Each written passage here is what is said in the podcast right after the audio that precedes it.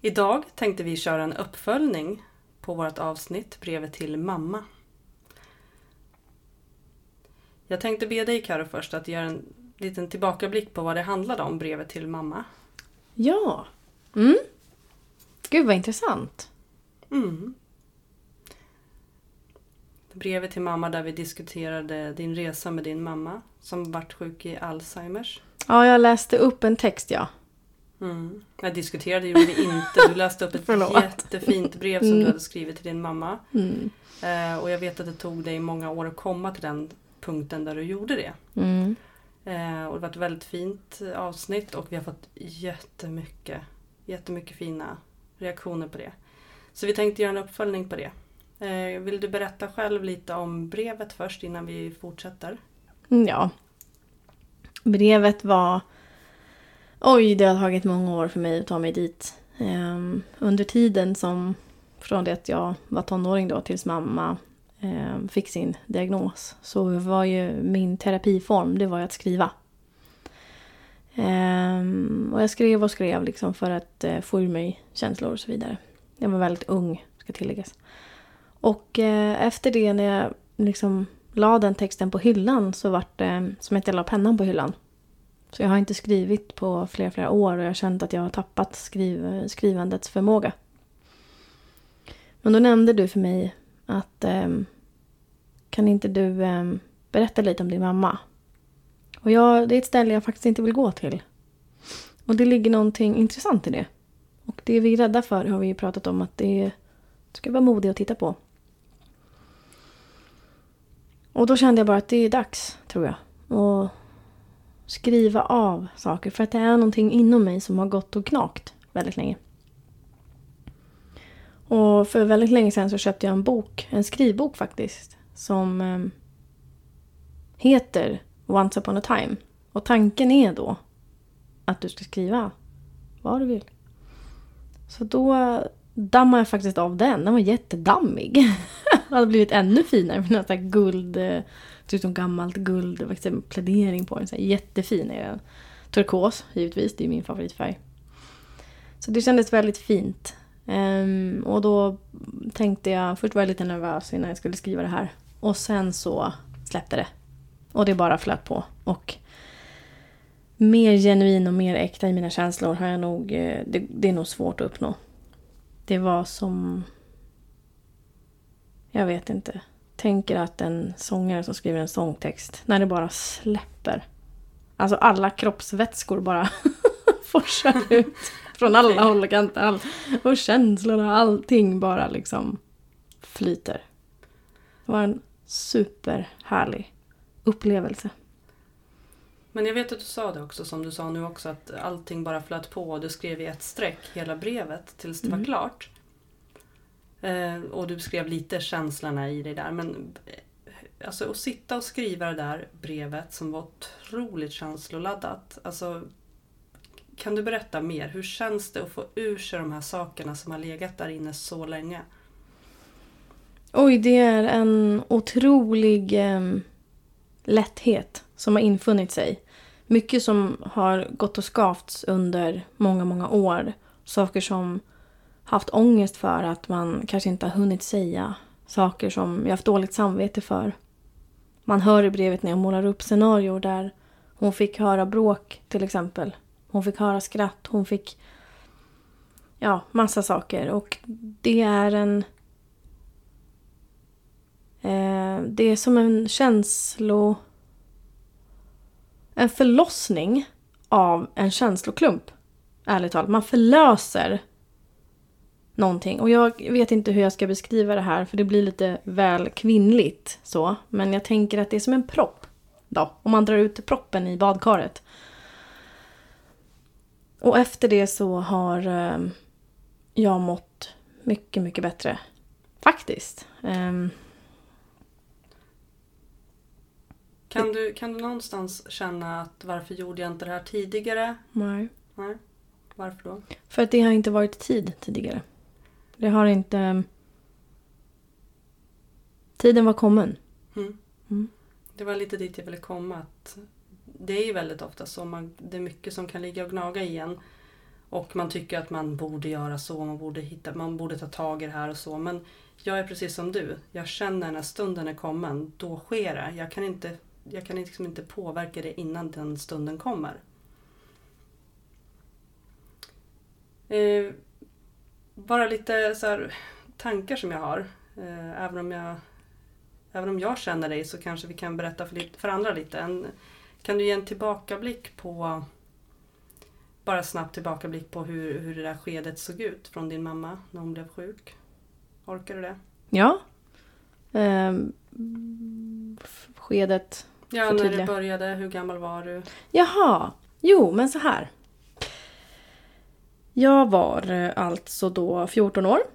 Ehm, och då hade vi fått lite samtal från mammas arbetsgivare faktiskt. Att hon hade börjat glömma lite väl mycket saker. och Det hade varit lite, hon jobbade med logistik då. Ehm, så då mm, fick vi ehm, läkartid, boka läkartider då helt enkelt. Så hon fick en grundlig undersökning och det tog väl ett halvår, ett år ungefär. Och då när hon fick sin diagnos var hon 46 och jag skulle då fylla 15. Och eh, ja, sen påbörjades ju processen. Det ligger extremt mycket känslor i. Som då för att plocka upp brevet lite här. Det ligger väldigt mycket känslor i när, när man 14-15 år vet knappt vem man själv är. Och så får man då veta att sin mamma är sjuk i en demenssjukdom faktiskt. Eh, och eh, mina syskon är där och min pappa då. Eh, ja, det var, det var ju givetvis ett tungt ögonblick. Det går ju inte att sticka under stolen. Men lika mycket, vi hade ju så mycket frågor och vi hade ju så mycket oro och så vidare. Medan mamma var, hon hamnade i förnekelse. Och sen så påbörjades allting. Eh, vi försökte hamna i rullarna. Hon fick... Eh, vi stötte ju på problem det första vi gjorde. Med tanke på hennes unga ålder, hon var en bland de tusen stycken då, under 90-talet. Som hade Alzheimers under 75 tror jag att det är någonstans, där man får Alzheimers faktiskt. Efter, långt efter pensionen i alla fall, man får det. Nu är det mycket vanligare i yngre ålder, men inte under 50. Det är fortfarande extremt ovanligt. Då. Är det här i Sverige då? Eller är det... Nej, men, ja, det här är i Sverige. Mm. Eh, Sorry, inte en prutt. Nej, det var vi skulle ändra lite sitt här. Ja, eh, jo, nu tappar jag tråden. Vi eh, var på tillbakablicken, ursäkta, det här händer ibland. Eh, men, Men, eh, att hon var en av de här... ja, men de första tusen ja. Mm. Och, och då stod i Sverige faktiskt inte redo eller rustat för att ta emot en patient med de här specialbehoven då som det faktiskt kräver. Och när jag säger specialbehov, det är att man ändrar skepnad när man har Alzheimers sjukdom. Ena dagen kan du vara fullt frisk i princip. Och fullt frisk menar jag att du ger sken av att du är fullt frisk. Till andra dagen, då kan du inte ens gå på toaletten själv. Du glömmer allt. Du, du, tappar, dig, du tappar bort dig hemifrån. Hon tappade bort sig väldigt många gånger. Eh, jag vet att jag var ute och reste. Pappa ville inte oroa mig. Så pappa och mina bröder har varit ute mitt i natten och letat efter henne. Hon hade tagit tåget bort till Bålsta någon gång. Hon hade gått till en pizzeria i Bålsta. Då ringde de. Till slut hittade de ju pappas telefonnummer och frågade ifall han kände någon Karina Haglund. Ja, och då hade vi letat. och Vi hade ringt polisen. Vi hade letat på alla sjukhus i hela Stockholm. De hade gått ut på radion eh, och bara, ja, missing person liksom. Ta hand om det här när man är 14 år, alltså jag vet inte. Eh, tills hon hamnade på ett boende. Ja, och då var hon ju fortfarande rymningsbenägen. Och det är faktiskt ganska tufft att vända sig om, lämna mamma efter sig. Och hon gråter och skriker och säger att varför lämnar ni mig? Jag vill ju bara åka hem. För hon, då var det just en dag som hon var, gav indi, liksom indikation på att hon var fullt frisk. Gå därifrån då som 16-17-åring och bara mamma du måste stanna här. Du är sjuk, du måste stanna kvar här. Hon bara tar tag i min tröja och hon vill verkligen hem så hon hittar ett sätt att hoppa över det jävla staketet för min mamma var ganska atletisk. Alltså jag skrattar för det är så jävla konstigt. Så hon springer ju ner till bilen och sätter sig i bilen. Hon ska bara åka hem. Så kommer det två vårdare och liksom bara tar tag i henne, ger henne en spruta. Liksom. Du ska in. Det är liksom... Det är inte... Ja, det är inte den soligaste dagen i mitt liv liksom. Och inte förstå, hon är ju frisk tycker man ju. Hon sa ju mitt namn. Hon, hon kan ju vara hemma. Eller som brorsans uh, unga, de fick liksom... De var så små när hon var sjuk. När hon, vad säger när hon flyttade hemifrån och blev sjuk. Så att i princip så hade de Mange eh, slutat mata dem så fick de börja mata henne. Så det går extremt snabbt i sådana här um, hjärnsjukdomar också ska man säga. Alzheimers är ett, bara för att gå in lite så man förstår vad det är. Det handlar om att det är ett plack som lägger sig över hjärnan och producerar inga nya hjärnceller. Och det gör de på en fullt frisk hjärna. Så vi kan slå i huvudet många gånger så får vi nya hjärnceller. Men det, det är som ett grått plack som lägger sig över hjärnan. Och man kan ingenting göra åt det utan det, finns, det är bara en dödlig utgång helt enkelt. Den sätter sig olika på alla. Eh, framförallt i frontalloben där minnet sitter. Och det är det som är hela grejen. Till slut så kommer hon inte ihåg. Hon glömde sina barn väldigt snabbt. Den enda hon inte glömde det var faktiskt vår äldsta bror. Förstfödda barnet. Det är också ganska vanligt. Eh, och det var extremt tufft. Det är det fortfarande idag. Jag kan fortfarande, fortfarande faktiskt bli ledsen när jag tänker efter. Att eh, när man kommer och hälsar på henne på det boendet hon bor, att hon har ingen aning om vem jag är. Då har jag alltså legat i hennes mage, hon har ammat mig och hon har uppfostrat mig. Hon har ingen aning om vem jag är. Ångesten över att, ve, att så här, fan, förstår hon vad jag säger till henne nu eller? Går det in det här eller vad? Ja till stunderna liksom man får... Ja. Där hon skiner upp lite grann. Jag tänker att det här kommer bli del ett för att sen göra en uppföljning i del två. För att på vägen i det här samhället så händer det extremt mycket. Vi fick eh, polisanmäla folk och myndigheter och vi fick kommunalpolitiker att avgå. Så jag hoppas att ni kommer att lyssna på del två när den kommer. Så jag plockar upp det där. Och så kan vi fortsätta här med mm. det som du har ja. i åtanke. Ja. Det som är i alla fall att det har varit en, en otroligt lång resa. Som sagt, det kommer ta ett avsnitt till känner vi nu. Ja, och det vet vi, jag tappade tråden där igen. Det här, jag måste sluta tappa tråden. Eh, för att wrap this up i tillbakablicken så handlar det i alla fall om att hon levde från det att hon var 46 fram till hennes 65-årsdag när hon lämnade jordelivet. Och då fick hon, hon har bott eh, i Småland eh, den största tiden i livet för att Stockholm hade inga ställen när hon blev så pass sjuk då. Så då fick hon flytta till ett boende för Huntingtons sjukdom. Och där trivdes hon väldigt bra, det var 16 boende där. Och det var extremt fint precis vid vattnet. Så hon kunde fortsätta få ha sina aktiviteter så att hon kunde få ha ett liv. Åtminstone, om man nu kan kalla det det. Ett någorlunda värdigt liv. Eh, och sen så gick hon bort i eh, januari då, 2016. Mm. Så det var många år där som ni levde med det här allihopa? Mm. Jag tänker på också på omgivningen, det andra eh, utöver familjen, de ni hade runt er. Liksom hur, hur kände du att det mottogs där? Hade ni något stöd eller förstod man eller? Alltså mina föräldrars kompisar, kompisar vissa av dem försvann helt. Och där har jag en hel del värderingar och åsikter. Medan andra valde att stå kvar i stormens öga. Tills de tyckte att det blev för jobbigt. Så våran lilla familj blev ganska isolerad. Mm. Och där har vi ju pratat du rätt mycket om att man väljer att backa när rädslan blir för stor. Mm. Inte bara att det är obekvämt så utan man, man är rädd för det som är okänt. Och det är ju fruktansvärt att höra liksom. När man behöver det som mest. Ja, när man som anhörig är i stormens öga, då vill man ingenting hellre än att ha en klapp på axeln. Fin veta att vi finns här. För att, att någon bara kan komma med lite mat en dag. Och inte tänka att de klarar sig nog. Nej, vi ska inte störa. Jo, det är precis det man ska göra. Man ska vara... Man ska störa. Man ska störa tid och otid. Ringa. Ringa ett samtal. Hej, hur mår ni? Kan jag göra någonting? Jag kan tänka också att när, när så mycket i livet förändras så vill man ha så mycket av det andra som var förut kvar. Ja. För att det blir för många förändringar. Det är redan en stor förändring på gång.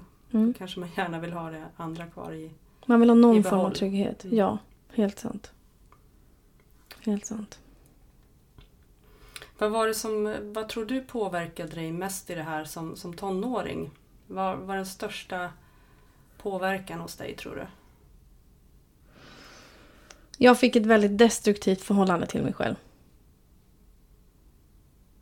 Eh, Jag blev extremt destruktiv och hade destruktiva förhållanden med killar. Ehm, Det mynnade ut i att jag... Sorg visar sig ofta i ilska, faktiskt. Så jag var ganska ilsken. Ehm, Var det Mm. ett rop på hjälp någonstans? Tror du? Jag vet faktiskt inte, för jag har alltid tänkt att jag klarar mig själv. jag vill inte ha någons hjälp. Så att jag vet faktiskt inte. Min bror, en utav mina bröder. Han har varit ett, eh, det största stödet. Både för sig själv och för mig. För han blev ju precis lika drabbad. Han är 11 år äldre än mig. Och han gjorde ju sitt. Han hade ju sin familj också. Um, så det blev liksom... Vi, vi gled isär, vi gled ihop. Men den största tryggheten, jag menar inte att vi gled isär, men vi, alltså som syskon. Vi, för att vi hade, det blir ju en anhörig sjukdom Mm. av det här. Ehm, ja, Mm. Eh, om man ser till ditt liv idag då. Eh, för det här var när du var tonåring och nu, i början när, du- när ni växte upp med det här. Men ditt liv idag då? Hur har det påverkat dig till den du är idag? Kan du se några tydliga... Oh ja! Det är en så intressant fråga. Jag blir inte lätt stött. Jag tar inte livet allt för hårt. Saken är att när det uppstår en situation i livet så blir jag absolut inte hysterisk. Jag kan hantera psykisk och fysisk stress på ett helt annat sätt än vad sjukt många kan. Och ju äldre, alltså det är som att när jag var 20 så var jag ungefär lika vis och klok som någon som var 40. Kan man säga. För att det här hårda, det som hände, det ansvaret jag fick ta. Jag blev, när jag var 15 då, då fick jag helt plötsligt bli runt 40. För att jag hade ju precis, precis fått ett vuxet barn. Så jag blev ju mamma till min egna mamma. Och jag är så sjukt tacksam att jag kan se det här. Istället för att ta till att fortsätta vara destruktiv. Eh, och eh, det kan vara händelser i mitt moderskap. Alltså det, det, det har infunnit sig ett sånt otroligt lugn. Så att jag har blivit så lugn ibland så att jag känner mig typ blasé. Man bara, nej men. Jaha, ska man bli hysterisk över det här? Oj, det, nej men det uppfattar inte jag. Det är jätteskönt. Jaha, oj, ska man bli hysterisk för det här också? Nej, nej men det är väl ingen stor grej. Det är precis så som brorsan säger också. Man har blivit så otroligt härdad. På ett positivt sätt. Men det var negativ, självklart en fruktansvärd väg att gå. Jag önskar ingen det här. Så det är... Eh, det är också svårt att greppa kanske vad jag menar med det, men... Man får perspektiv när man får barn. Eh, att vara en hönsmamma pratar jag ofta om. Och jag börjar inse att den här sprätthönan börjar inte bli... Alltså hon, hon är inte lika sprättig längre. Eh, det kan vara en allvarlig situation som uppstår. Till exempel så åkte min pappa in på sjukhus. Ehm, och för att kunna mäta då det jag menar att bli hysterisk är att jag kan inte påverka situationen. Det är ingen idé att bli rädd förrän jag vet vad det är som har hänt. När jag vet vad som har hänt, då är det läge att koppla på vissa saker. Att försöka, det är det klassiska uttrycket. Man ser inte skogen för alla träden eller något. Och jag har lärt mig att sålla bort de här träden. Jag försöker se till fakta. Jag vill ha fakta innan jag blir hysterisk, om jag behöver bli hysterisk. Är det... Ja, men precis. Att du ser, du ser det sakligt på ett sätt tills du vet vad du har med att göra. Mm, Och det är väl jätteklokt. Det är en enorm visdom liksom att kunna hantera det. Och ta till det. ja, det är nog det största skulle jag säga.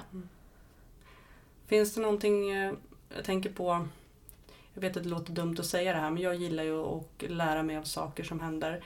Finns det någonting som du ser som är, har gett dig någonting positivt tillbaka utöver det du beskriver? Liksom? För det är ju någonting positivt det du berättar. Har du fått någonting som du kan vara tacksam för i det här?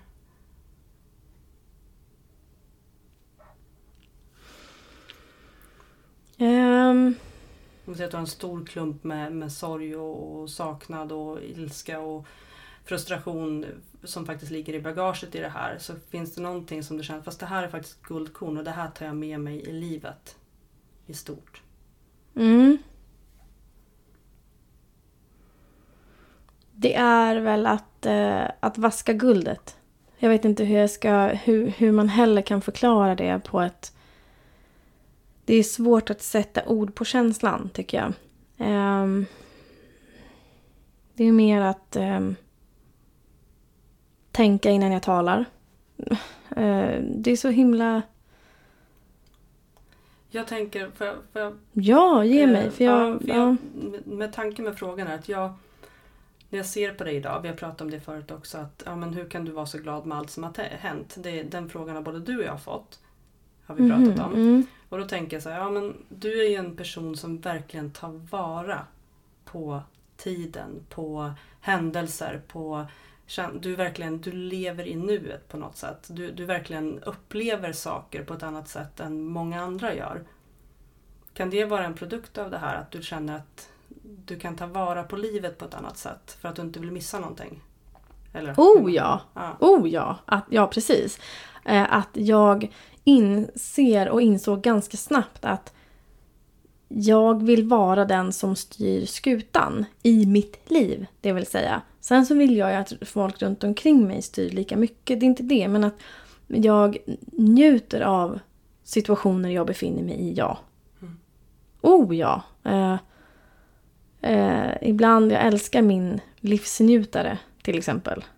Och det behöver inte alls vara mycket. Det kan vara vad som helst. Att det är de här subtila, jag ser det subtila, fina i små saker. Jag har lärt mig att se positivt, positivare på livet. Eh, för att jag vet att det kan ta slut. Jag menar rent krasst, jag är 39, jag har sju år kvar tills jag är 46. Jag vet inte om jag har gener för Alzheimers sjukdom. Jag har ingen aning. Nej, det har du inte. Det har jag bestämt, har har jag bestämt för länge sedan. Ja. Så att jag har nog... ehm, det kommer jag också ta upp i del två. Mm. Hur det känns att inte veta. Mm. Men just att... eh, ja, du svarade nog faktiskt bättre på den frågan än vad jag gjorde. Ja, men jag, tänker, jag ser det utifrån på, på det sättet. Mm. Det var det jag tänkte. kan vara skönt också att höra för andra som befinner sig i samma situation eller liknande situation. Mm. Eh, Och jag vill också lägga till en sak där. Det som jag faktiskt fnissar lite åt ibland också. Det är att jag gör fan inte saker jag inte vill. Alltså, livet är fan för kort. jag gör fan inte saker jag inte vill. den kan du få lära mig lite mer om. Jo, men tänk dig då så här, mamma. Hur mycket, hur mycket det var som hon inte hann med. Mm. Så vad fan ska jag ödsla saker på? Sen har vi ju, hallå vi har ju skyldigheter. Det är väl klart att så, men jag har blivit eh, duktigare på att nej, jag orkar inte lämna i skolan idag. Fy fan vad jag inte vill gå ner dit. Jonas, kan du lämna idag? Ja, självklart. Bra. Eller grannen, kan du ta med dig ungen? Eller Emma, kan du gå själv? Alltså det är så här, Eller, så får du stanna hemma. ja vet du vad? Det, ja, nu ska vi inte vara såna heller, men jag, jag, ehm, jag eh, försöker ju vara en god guide till Emma snarare än en mamma liksom. Så att ja, visst har vi skolkat någon gång här och då. För man lever bara en gång. Man får, ja. Det är så skönt att höra. Mm. Jag älskar sånt här, såna här erkännanden som man egentligen inte borde göra. Men jag, Nej. jag är likadan. Det är, med två barn och Mm. om den ena är sjuk. Ska jag sätta mig med en sjuk unge och åka med den andra till skolan då? Mm. Bara, nej fast du är lite snuvig, du stannar Men, hemma ja, också. men så, också det här skita i det här ansvaret Ja. när man kan. Alltså utnyttja... Jag har ju blivit expert på att hitta det kan man ju säga. Utnyttja och, och vara lite busig och... Jag tror att Emma uppskattar det väldigt mycket också. Eh, Jonas också för den delen. Mm. Att eh, vända på livet. Jag orkar inte tvätta idag, då skiter jag i det. Jag tar ett glas bubbel ärligt talat. Mm. Ja, och det är tisdag, spelar ingen roll. Ja, men om grannen säger att du är alkis då, skiter väl jag i, tyckte då. Mm. Alltså det är så här, det är det här jag menar. Det är lite mer laid back än vad jag har varit tidigare. Mm. Jag, jag eh, också så här att... Eh, jag är inte så rädd för att bli dömd. För jag fick gå väldigt många mil för min mammas skull. Och göra så mycket för hennes skull. Under så många år. Under 20, 19 eller 20 år höll, jag, höll vi ju på. Och göra allt för henne. Så jag känner bara att nu är det dags för mig. Jo, jag vet att du har kämpat en del också med det administrativa och organisatoriska och myndigheter och sånt. Så att, eh, ja, jag kan inte ens föreställa mig hur, hur fort du fick växa upp med, med det ansvaret också. Mm. Jag har faktiskt en sista fråga. Mm. Eh, det finns ju andra som befinner sig i liknande situationer. Har du någonting som du vill säga till dem som befinner sig där? Ja. Ehm. Ah, Åh gud, det finns ju mycket som helst. Jag skulle kunna göra timlånga avsnitt om det här liksom. Men allt, allt är okej som du som anhörig känner. Det finns ingen rätt och fel i det du gör eller det du inte gör. I det du säger, i det du inte säger. Alltså, ha hoppet för dig själv. Inom dig själv. Uppe. För att du befinner dig i en situation du egentligen inte kan göra någonting åt. Du sitter med en anhörig som går mot döden. Och döden kommer allt närmare och närmare och närmare. Och jag sa, jag vet att jag var 14 år och jag sa att jag kommer aldrig acceptera det här.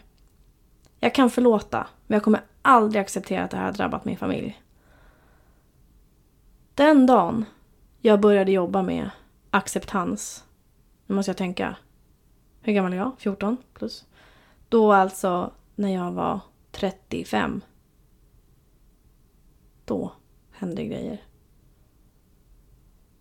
Ju snabbare du kan acceptera, ju snabbare kommer man förlåta.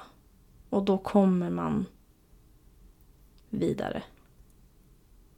För det är en outhärdlig men ack så uthärdlig situation. Och acceptansen kring ovisshet. Så mitt guldord som jag väljer att skicka med är att acceptera. Det var fint. Jag tänker också på det som jag älskar när du säger att mitt liv pågår fortfarande. Mitt liv tar inte slut för att någon annan har det svårt eller någon annans tar slut. Det, det har jag tagit till mig väldigt mycket av och det säger du, inte ofta men du har sagt det några gånger. Och det är ju faktiskt så att mitt liv pågår fortfarande. Mm. Och det, det är en styrka i det liksom att vad är alternativet? Det är det som du var inne på förut. Alltså hur kan du vara så glad och hur kan du vara så positiv och så vidare. Där har du svaret. För att mitt liv pågår. Och en del av mitt liv är en misär. Såklart. Eller var då en misär. Jag önskar att jag hade kunnat se det här under tiden processen pågick. Någonstans så hoppas jag att jag gjorde det.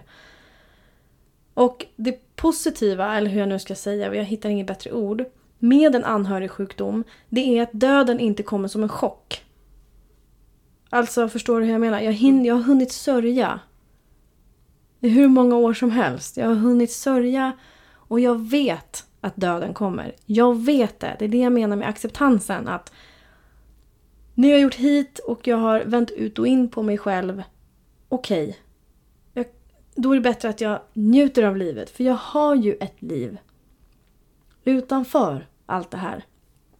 Och inte ha dåligt samvete för att man väljer att leva. För att den större delen av mitt liv och mina dagar och mina dygn består av överlevnad. Men det finns också en stund för levnad. Och det är jag glad att jag alltid har varit så fruktansvärt rädd för döden.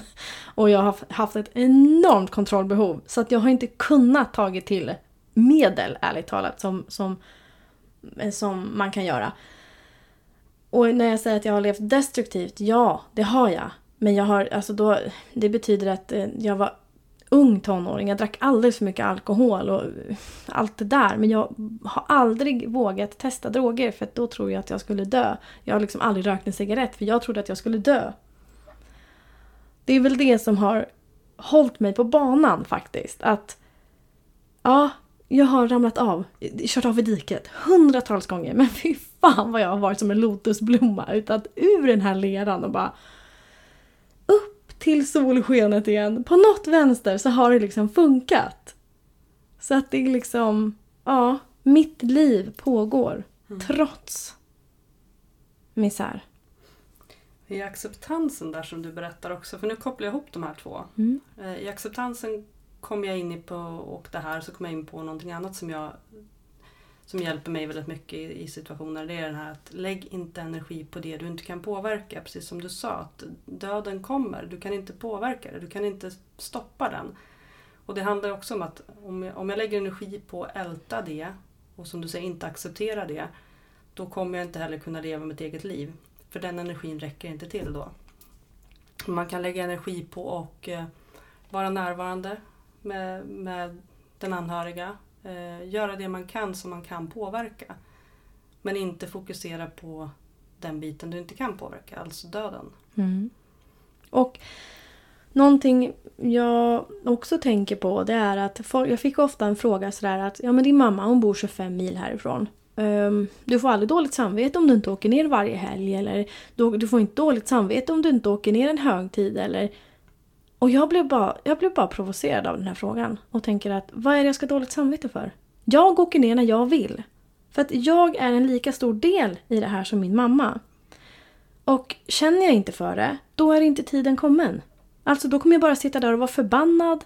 För det, det är ju väldigt mycket känslor det här va. Man kan vara ledsen, man kan vara whatever. Och då spiller jag ju över det på henne. Trevlig stund vi fick hörru. Jag sitter här och är bitter. Ja, ah, mm, nice. Hon kan ju inte, eftersom det är hon som är sjuk så känner jag bara att ja, en av de här tiderna liksom. Jag och brorsan åkte ner skitofta. Och vi ringde alltid varandra så här för högtiden. Så bara, vad fan ska vi göra nu? Ska vi åka ner till morsan eller? Ja men vi gör det. Ja men då struntar vi i Lucia. Ja men okej, då gör vi det. Ja men vi tar den här. Alltså vet, vi hade en jättefin dialog liksom att vi gav aldrig varandra något dåligt samvete. Jag fick ju mer dåligt samvete för att någon frågade och håller på och ifrågasätter. Varför åker du inte ner var, varje ledig stund? Men för att jag har ett liv! Vi har instanser i Sverige som kan ta hand om patienter till viss mån.